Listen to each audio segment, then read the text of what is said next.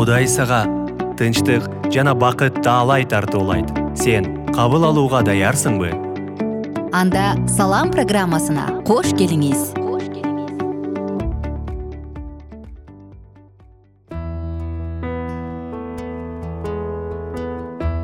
Кутман куш убак күнүңүздөр менен. Биздин сүйүктүү досторубуз замандаштарыбыз жалпыңыздар менен кайрадан салам подкастын баштадык. Достор бир аз эске салсак салам деп ар бир адамдын жүрөгүнө жашоосуна тынчтык каалаган биздин эң сонун уктуруубуз бир гана сиздер үчүн бул подкастта жашооңузга керектүү сонун маалыматтарды уга аласыздар. Бир гана жашоо бул баарыбызга маалым болгондой бул дүйнө менен бүтпөйт э. Өлгөндөн кийин эмне болот деген суроо бар. Анан ушул өлгөндөн кийинки жашоого даяр болушубуз үчүн ар бирибиз чындыкты издейт эмеспизби. Мына ошондуктан бүгүнкү подкастка кош келиңиздер. Достор мурунку уктуруубузда мурунку подкастта биз ыйык жазуу мындай дейт деген сонун бир уктуруубузду баштаганбыз. Бул курс деп айтабызбы сабак деп айтабызбы? Дал ушул сабакта мурунку уктуруубузда биз ыйык жазуу эмне дейт? Негизи ал кандай бөлүктөрдөн турат? Деп сонун уктурууну баштаган болчубуз. Бир аз эске салсам биз ыйык жазуу бул алтымыш алты китептин библиотекасы экенин айтканбыз. Жана шарттуу түрдө жаңы эски осуяттардан болуп бөлүнөт. Жалпысынан туурат забур инжил китептеринен турат. Анда эмесе убада кылгандай эле бүгүнкү уктурууда ыйык жазуу библия китеби. Кудайдын рухуна толгонбу же тарыхый китеппи? Мына ушул тууралуу сөз кылалы. Биз менен бирге болуңуздар. Ушул курстун башында эле айта кетейин достор. Эгерде сиздерде угуп жатканда кандайдыр бир суроо бар болсо анда дароо эле биздин whatsapp номурубузга пикир калтырып өзүңүздүн оюңузду жазып кетиңиз. Биздин whatsapp номур плюс бир үч жүз бир жети жүз алтымыш алтымыш жетимиш сандары.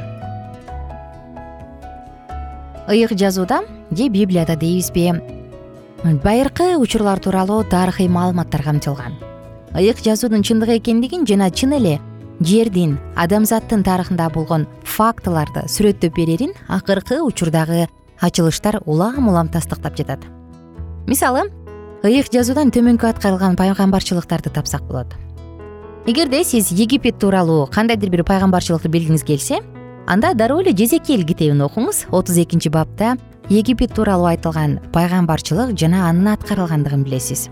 Эгерде вавилон тууралуу айтылган маалыматтарды билгиңиз келсе анда сөзсүз түрдө жеремия китебин окуңуз элүү биринчи бапты ошондой эле греция тууралуу айтылган пайгамбарчылыктарды даниил китеби сегизинчи баптан окусаңыз болот жана башка өлкөлөр ал эмес тарыхый инсандар тууралуу дагы пайгамбарчылыктар айтылган. Андан тышкары достор библиядан окумуштуулар ачканга чейин мурун эле бар болгон илимий маалыматтарды тапсак болот. Азыркы күндө ой! деп атайын нобель сыйлыгы мыкты мыкты сыйлыктарды ыйгарып аткан ушул ачылыштарды ачып аткан адамдарды билет эмеспизби илимпоздорду бирок ал маалыматтар илгери эле ыйык жазууда жазылган. Мисалы жөнөкөй эле жердин тоголок формада экени ышая китебинде эле жазылган. Кыркынчы бапты окусаңыз жыйырма экинчи аятта жер тоголок формада экени эле жазылган. Бул бизге чейин канча деген миңдейдир жылдар мурун. Ошондой эле жердин асмандын бир бүтүн экендиги дагы айтылган бул айып китебинде жыйырма алтынчы бапта. Абанын дагы салмагы бар экени дал ушул аюб китебинде жыйырма сегизинчи бапта жазылган. Асмандагы жылдыздарды санап чыгуу мүмкүн эместигин жеремия ичак эле айткан. Азыркы күнгө чейин э биз ааламда бул планетада негизи эле биздин көзүбүз көрө элек дүйнөлөр бар экенин канчалаган жылдыз бар экенин бирок алардын санын эч ким билбестигин билебиз. Ыйык жазууда ошол ыбрайым пайгамбарга сенин тукумуң асмандагы жылдыздардай болот дейт э бул сан жеткис караңыздарчы а бул тууралуу санап чыгуу мүмкүн эместиги илгери эле жеремия китебинде жазылган дал ушул ыйык жазууда. Ошондой эле жаратылыштагы суунун тереңирээгин насаатчы китебинде илгери эле жазылып айтылыптыр андан тышкары ушул сыяктуу маалыматтар абдан көп. Эгерде кененирээк билгиңиз келсе анда мен болгону гана сизди ыйык жазууну окуганга чакырам. Демек достор албетте анын окутуусун четке кагуунун кереги жок ыйык жазуунун жана библиянын өзү тууралуу күбөлөндүрүүсүнө олуттуу караган туура. Ыйык жазуу бул чындыктын булагы. Ал өзүн өзү далилдеп берет анда айтылган пайгамбарчылыктардын баардыгы аткарылат. Жана ыйык жазуу чындыктын булагы экендиги жакан жазган жакшы кабарда он жетинчи бап он жетинчи аятта айтылган. Ыйык жазуу чындыкты өлчөөчү. Бул тууралуу ышая пайгамбар айтат. Ышая китебинде жазылган. Ыйык рухтун жетеги алдында жазылган. Бул тууралуу экинчи петрде биринчи бап жыйырма биринчи аятта жазылган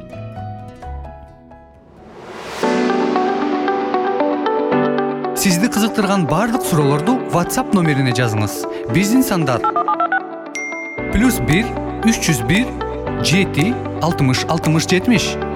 Плюс бир үч жүз бир жети алтымыш алтымыш жетимиш.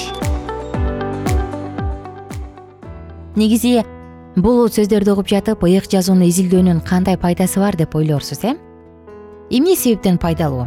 Анткени ыйык жазуу жашоону өзгөртүүчү күчкө ээ. Сиздин жашооңуз жакшы жакка өзгөрөт. Ал жаштарга дагы карыларга дагы адамдын жаш курагына карабастан баардыгына жардам берет. Ошондой эле библияны изилдесеңиз ыйык жазуу рухий жактан өсүүгө жардам берет. Биз билебиз баарыбыз э адамдын жан дүйнөсү өзүнүн бир ички дүйнөсү бар экендигин биз эмне менен азыктансак ал ушундай болот. Эгер биз жалаң тасмаларды бузулган тасмаларды ар кандай порно роликтерди айтор жаман нерселерди көрө турган болсок анда биздин жашообуз ошого жараша ылайыкташат. Эгер жакшы булактан тамактансак таза руханий азыктар менен тамактансак анда биздин жан дүйнөбүз да ошого жараша өзгөрөт. Ошондой эле библияны изилдөө руханий жактан төрөлүүгө түрткү берет. Бул тууралуу биз алдыда кенен сөз кылабыз. Адамдын мүнөзүн оңдойт ай ай мүнөзүң деп айтат эмеспи э? Анысы кандай? Адамдын мүнөзүн жакшы жакка өзгөрткөнгө жардам берет. Бул тууралуу биринчи корундуктарга жазылган китепте бар. Библияны окуу менен биз кудайга жакындайбыз. Ар бирибиз кудайды тапканга кудай кудай деп жалынып анын бизди угушун каалайт эмеспизби? Ар бирибиз о кудай дейбиз жалынабыз сыйынабыз тим эле чөгүп алып ушундай бир тизелеп алып жалдырап келебиз э бирок кыйын учурларда биз кудайдын бизге кулак салышын каалайбыз. Мына ошондуктан ыйык жазууну окуй турган болсок кудай бизди кандай кылганда угаарын даана билебиз. Ошондуктан достор ар бир адам үчүн ыйык жазууну изилдөө жана анда жазылганды аткарып жашоо маанилүү. Улуу адамдар библия тууралуу эмне дешкен? Келиңиздер кайтар кетели көбүнчө бизге белгилүү адамдардын сөздөрү абройлуу келет эмеспи авторитет. Мисалы исаак ньютон окумуштуу мындай деп айтыптыр. Библияда дүйнөлүк тарыхтага караганда көбүрөөк чындыктын белгилери камтылган кандай айтылган сөздөр. Ал эми лев толстой болсо дал ушул эле ыйык китеп тууралуу мындай деген. Библияны окубай туруп адамдын жана баланын нравалык жактан өсүүсү мүмкүн эмес деген. Эмне деген баа караңызчы. Достоевский эмне деген теңир. Ыйык жазуу эмне деген китеп? Ал аркылуу адамзатка кандай гана керемет жана күч берилген. Кудайдын сөзүсүз адамдарга өлүм деген. Белинский. Баардыгы айтылган баардыгы чечилген китеп бар. Андан кийин эч нерсеге шек жок. Ал китеп өлбөс ыйык ал түбөлүк чындыктын түбөлүк өмүрдүн китеби. Пушкин. Ыйык жазууну канча жолу окуп чыкпа канчалык сүңгүп кирсең ал ошончолук жарык чачат жана кеңейет. Биздин сабактар менен кененирээк алкитап чекит медиа сайтынан таанышыңыз эх достор бул сөздөрдү уккандан кийин тамшанып гана олтуруш керек эми биз кийинки уктурууда сиздер менен ушул ыйык жазууну кантип изилдеш керектигине токтолобуз? Биз менен бирге болуңуздар сиздер менен убактылуу коштошом. Ошондуктан бизге баарыңыздарга тынчтык каалайм.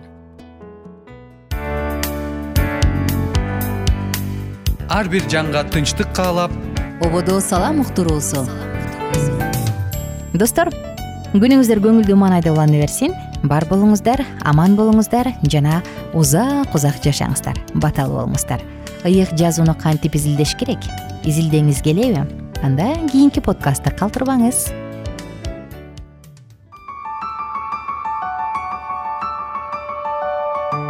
Бир гана аллах чыныгы тынчтык берет. Ободо салам уктуруусу